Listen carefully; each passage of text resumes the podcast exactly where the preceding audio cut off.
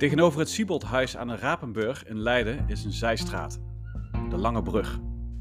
Op die hoek, het Rapenburg met huis nummer 12, hangt een gedenksteen met de namen van twee Japanners. Zichtbaar voor mensen die weten dat hij er hangt, maar onzichtbaar voor alle anderen. Op hetzelfde moment, duizenden kilometers verderop, hangt nog een gedenksteen. Ook weer met de namen van twee dezelfde Japanners. In dit geval hangt hij in het Grand Masonic Hall in Tokio, zeg maar het hoofdkantoor van de Japanse vrijmetselarij.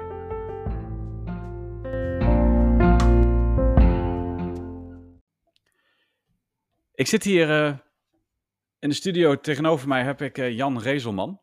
Goedendag Jan. Hallo, Roderick. Leuk dat je, leuk dat je er bent. Ik las net een eh, stukje vooruit een stukje manuscript, eigenlijk een boek, soort boek eigenlijk, wat Jan geschreven heeft, met name voor zichzelf. Jan zal zich zo meteen zelf nog wel even extra voorstellen. Maar Jan is archivaris bij Loge Lavatu in Leiden. En hij is uh, in het archief van Lavatu, is hij eigenlijk uh, een beetje per ongeluk geloof ik, maar dat gaat hij ongetwijfeld zo ook nog wel vertellen. Is hij gestuurd op uh, de namen van, van twee Japanners. En dat fascineerde hem zo ontzettend dat hij dat helemaal is gaan uitzoeken. Nou, en als we dan even fast forward helemaal naar het eind gaan, daaruit is een heel onderzoek gekomen. Een onderzoek wat wij in, de, in vijf podcast afleveringen aan jullie eigenlijk gaan, gaan vertellen. ja, Jan, Leuk dat je er bent. Dankjewel, Roderick. Ik, uh, nou ja, ik heb natuurlijk al een klein beetje voorkennis uh, gehad. Je hebt mij van tevoren natuurlijk al een klein beetje verteld over, uh, over het verhaal. En het is inderdaad echt daadwerkelijk ongelooflijk fascinerend. maar wie ben jij eigenlijk? Jan Rezelman, 61 jaar. Ik woon in Katwijk. Ik ben al heel lang getrouwd met Estelle. Drie kinderen, twee kleinkinderen. En vijf jaar geleden liep ik langs het gebouw van Lavertu in Leiden. En daar ben ik lid geworden van de Vrijmetselarij Loge. En een jaar geleden vroeg uh, de voorzitter, wil je archivaris worden? Daar moest ik even over nadenken, omdat het niet zo past bij wat ik voor de rest in mijn leven doe. En daarom zei ik juist ja. Ja, precies. En dat even iets anders doen. Even, ja, uh, ja. En in de loge zeg ik eigenlijk overal ja op, omdat ik dat een onderdeel vind van de lol om andere dingen te doen dan in de rest van je leven. En, en met die vraag en mijn antwoord ja, uh, is alles op gang gekomen. Uh, oudste vereniging van Leiden is Lavertu, 1757. Ja. En ons archief is fantastisch intact gebleven. En toen ik daarin begon te kijken, dacht ik, er zit hier honderd mooie verhalen in. Maar toen wist ik nog niet dat dit Japanse verhaal mij echt ging pakken. Dat ontstond nog ergens onderweg. Ja, want hoe ben, je, hoe ben je uiteindelijk dan bij dit verhaal terechtgekomen? Dan? Dat kwam omdat, uh, ja, het was een van de honderd verhalen. Uh, want we hebben ook bijvoorbeeld tien Russen gehad en twee Japanners. en zo hebben we nog allemaal verhalen. Uh, en ooit ontmoette ik iemand. En toen vroeg ik naar, naar die gedenksteen. Het was, was een andere vereniging, was bij ons op zoek. Die gedenksteen. Ik dacht, nou, dat weet toch niemand. En hij zei, ja, ik weet dat hij daar hangt. Toen dacht ik, huh? Je bent echt de enige die het weet. Toen kwam hij later op me af. Hij zei, ja, ik ben emeritus professor van de Leidse Universiteit. En mijn specialiteit was Japan, is Japan. Maar hoe wist je überhaupt dat die gedenksteen er was dan? Ja, als je, als je dan op zo'n onderwerp wat gaat zoeken, dan kom je dingen tegen. En toen heb ik hem ooit eens opgezocht. Dus dat onderwerp, dat leefde nog niet. Maar al die honderd onderwerpen probeer ik een beetje te zoeken en te voelen wat, wat is er al beschikbaar online. Uh, dus toevallig wist ik het, echt toevallig. Die professor zei, uh, het is interessant, want die twee Japanners zijn echt interessant.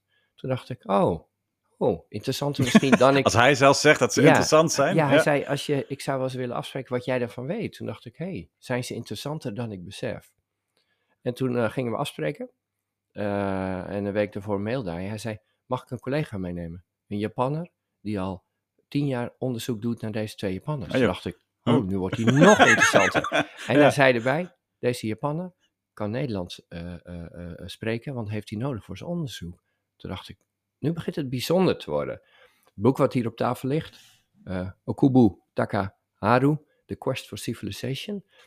Want toen ik zocht, wie neemt die nou mee, kwam ik dat boek tegen. En toen dacht ik, er is dus een man, een Japanner, die heeft zijn hele leven ongeveer in dienst gesteld om die twee, om uit te zoeken wat die twee Japanners oh, in tweeënhalf jaar in Leiden hebben gedaan en geleerd en wat voor invloed dat heeft gehad op Japan. En daar heeft hij tien jaar onderzoek gedaan, heeft hij een boek voor geschreven. En hij weet het eigenlijk nog steeds niet. En hij weet het heel goed, maar één ding weet hij niet, Roderick. En dat bleek toen we aan het lunchen waren. Wat hebben ze in onze loge gedaan en geleerd? En daar kon hij niet achter komen. Voor de rest, voor de rest hij vertelde me een tweede keer dat we, dat we spraken en dat ik hem meenam naar de loge, wat hij fantastisch vond. Uh, toen zei hij, Jan, ik, nou ja, in zijn Japanse, Engels, Nederlands. Jan, Jan. ja, ik heb alles gelezen wat een van die twee Japanners, Nishi, heeft geschreven. Alles. Maar wat ik niet weet, is wat ze hier in de loge hebben gedaan. Het is bijzonder. Kan je je voorstellen? Wat een stom toeval eigenlijk ook dan, hè? Absoluut. Roderick, het is een opeenstapeling van toeval en van elke keer weer verrast worden en overal ja tegen zeggen. Dit is echt een... Ja, dus eigenlijk, is de basisboodschap is sowieso gewoon, nou, je moet gewoon overal ja tegen zeggen. Ja, in het leven vind ik dat best een, uh, ja. een, een, goede boodschap, want dan kom je alle, allemaal wonderlijke dingen terecht. Ja, het interessant, joh. We gaan, uh, dat is nou ook wel, uh, wel heel erg mooi. Het is, het is natuurlijk als een hele mooie cliffhanger, even zo op deze manier. Over hoe iets, iets vanuit een toevallige ontdekking als archivaris uiteindelijk kan uitgroeien tot een, uh, nou ja, ik zou bijna willen zeggen, bijna uit de hand gelopen, uit de hand gelopen hobby. We gaan in deze podcastserie, gaan wij eigenlijk dit hele verhaal, gaan we een beetje proberen uh, te ontrafelen. Met centraal die vraag, wat hebben deze twee Japanners in die paar jaar dat ze lid zijn geweest van Loge Laverty, wat hebben ze gedaan? en uiteraard natuurlijk daarmee ook gaan proberen te koppelen aan het onderzoek van die, van die andere Japaner. Om uiteindelijk dat verhaal een beetje compleet te maken. Want daarboven hangt natuurlijk ook die hele interessante vraag die je net ook al eigenlijk tussen soep en aardappel door uh, stelde. Namelijk, wat heeft dit betekend voor de Japanse vrijmetselarij? En dat is eigenlijk wel een hele, hele boeiende, uh, nou, gewoon een boeiende ontdekkingstocht. Een boeiende reis. Past ook wel mooi bij het massadieke thema waar we toch met z'n allen op reis zijn. Dus ja, leuk. Um, ja, waar begin je zo'n verhaal, Jan? Je begint zo'n verhaal met zoeken wat er is uh, online. Zoeken um, wat mijn uh, oudere leden van Lavertu al hebben uitgezocht. Wat bedacht, eigenlijk het verzamelen van alles. Uh, en wat, wat bij mij goed helpt is dat die uh, professor die ik als eerste ontmoette, Wim Boot, dat ik zei, wat zoek jij dan? En dat hij me vier vragen meegaf. Ik dacht, oké, nu heb ik, ja, maar nu heb ik richting om een zoektocht te starten. Ja. Uh, ik ben niet een klassieke archivaris die het leuk vindt om dagenlang in een archief te zitten. Ik moet voor iemand iets aan het zoeken uh, zijn. Dus hij, hij zei, uh, hoe lang zijn ze lid geweest bij La Vertu? En wat hebben ze daar geleerd? En wie heeft ze geïntroduceerd? En zijn zij de oprichters van de vrijmetselarij in Japan geworden? Dus ik kreeg vier vragen mee waarvan ik dacht, oh, dat helpt. Dat zijn ook uh, redelijk makkelijke vragen ook, joh. Ja, hè? absoluut. Ja. Ab absoluut. Redelijk makkelijke vragen. Uh, uh, waarin ook in algemene zin in sommige boeken ook antwoorden uh, stonden die niet waar bleken te zijn toen ik echt begon te ja. zoeken. Daarmee werd het natuurlijk steeds leuker, want als iedereen zegt, ja, ze zijn geïntroduceerd door uh, professor Vissering, die was lid van Lavertu, en dat staat in 100 boeken, maar dat blijkt niet waar te zijn, dan wordt het voor mij leuker. Ja. Ik denk, hè, hoe, hoe, hoe, is dit ontstaan? Maar ook, maar, maar hoe dan wel? Ja. Dus, dus elke keer als er iets niet klopte, uh, werd het interessant voor me. En Roderick, wat voor mij uh, echt heel leuk is, dat ik begin niet in een archief te zoeken. Ik begin eerst te bedenken welke mensen weten hier ook wat van, uh, kunnen me helpen. Dus ik heb denk ik wel 50 mensen gesproken, gemaild, leren kennen in, in, in de geschiedenis van de vrijmetselarij.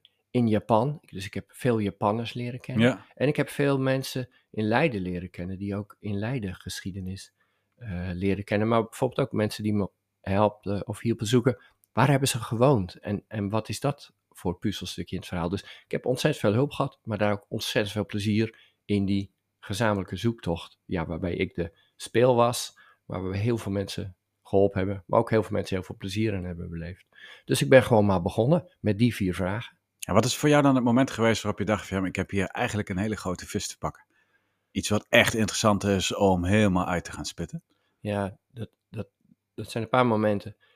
Eén uh, was natuurlijk die, die professor Boot, die zei, ja. hey, uh, uh, die twee zijn interessant.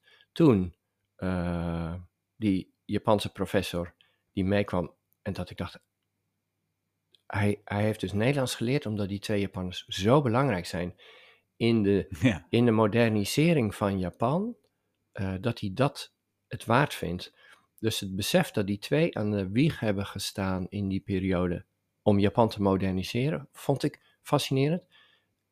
En wat, ik, wat maanden heeft geduurd voordat ik dat echt kon beseffen, is het besef dat Nishi en Tsuda, de twee Japanners, kregen lescollege in Leiden, 2,5 jaar.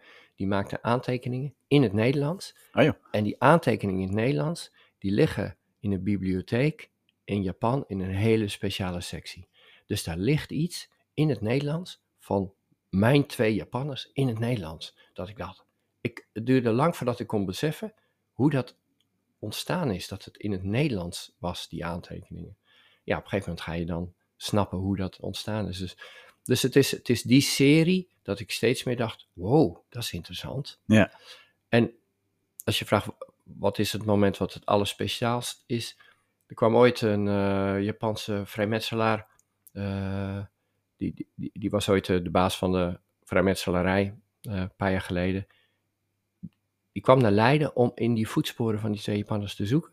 En eh, we raakten in contact. Eh, ik nam hem op een ochtend mee naar onze loge. Ik legde een boek neer. We hebben een constitutieboek, Roderick. Ja. En er staan alle handtekeningen in. Van jou, van mij en van Nishi en Ja. Tsuda. Vanuit, vanaf 1757. Ik legde dat boek voor hem neer. Ik sloeg hem open. En hij zag de handtekeningen van Nishi en Tsuda in het Nederlands en in het Japans.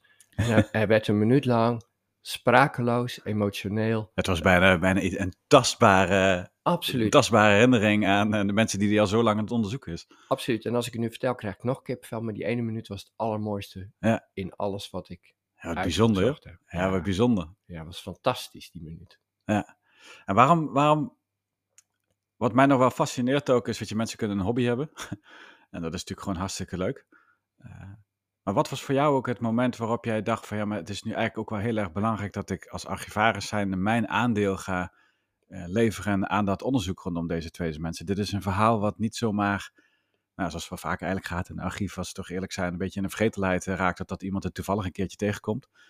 Eh, maar je bent je er helemaal in gaan vastbijten. Je hebt er ongelooflijk veel eh, tijd en energie en efforts in, in gestoken. Nou, gaandeweg de podcastserie gaan de luisteraars ook wel ontdekken wat dat allemaal heeft betekend en wat het ook allemaal heeft opgeleverd. Maar je kwam op een gegeven moment ook wel op een punt uit dat je denkt van ja, maar dit verhaal mag eigenlijk om de dode donder gewoon nooit meer verloren gaan. Nou, de, de reden was anders. Eh, eh, Het werd zo'n enorme brei in mijn hoofd. dat ik dacht, ik denk dat ik het maar eens op moet gaan schrijven. Want anders wordt het nooit meer rustig in mijn hoofd. Want Ja. het is zo interessant. En er zijn zoveel zijpaden. En toen dacht ik op een gegeven moment, oké, nu ga ik een paar zondagen opofferen om het verhaal in boekvorm te beschrijven. Ja, toen, toen kwam ik, ik ben natuurlijk helemaal geen archivaris en onderzoeker. Toen kwam ik tegen problemen aan. Waar heb ik in hemelsnaam dit citaat vandaan? Waar heb ik dat vandaan? ja, wat Dus- is de dus- bron? Wie ja. heeft dit nou weer gezegd? Ja. Dus ik dacht, ja, daar kom ik niet meer weg. Dus, dus ik moest een soort dus terug in de tijd, om, omdat ik dacht, ja, het is zo'n mooi verhaal. Ehm, ik wil het ook vastpakken. Eh, en uiteindelijk is het fantastisch dat je eh, eh, een verhaal van 50 pagina's hebt met foto's, bronnen, ehm, wetenschappelijk best goed. En dat je er dan één boek van drukt die hier midden voor één ons... boek, ja. Eén, één boek. Het is wel een heel mooi boek hoor, maar ja, dat zien jullie luisteraars natuurlijk Ja, niet. Maar het is wel een heel mooi boek geworden. Ja.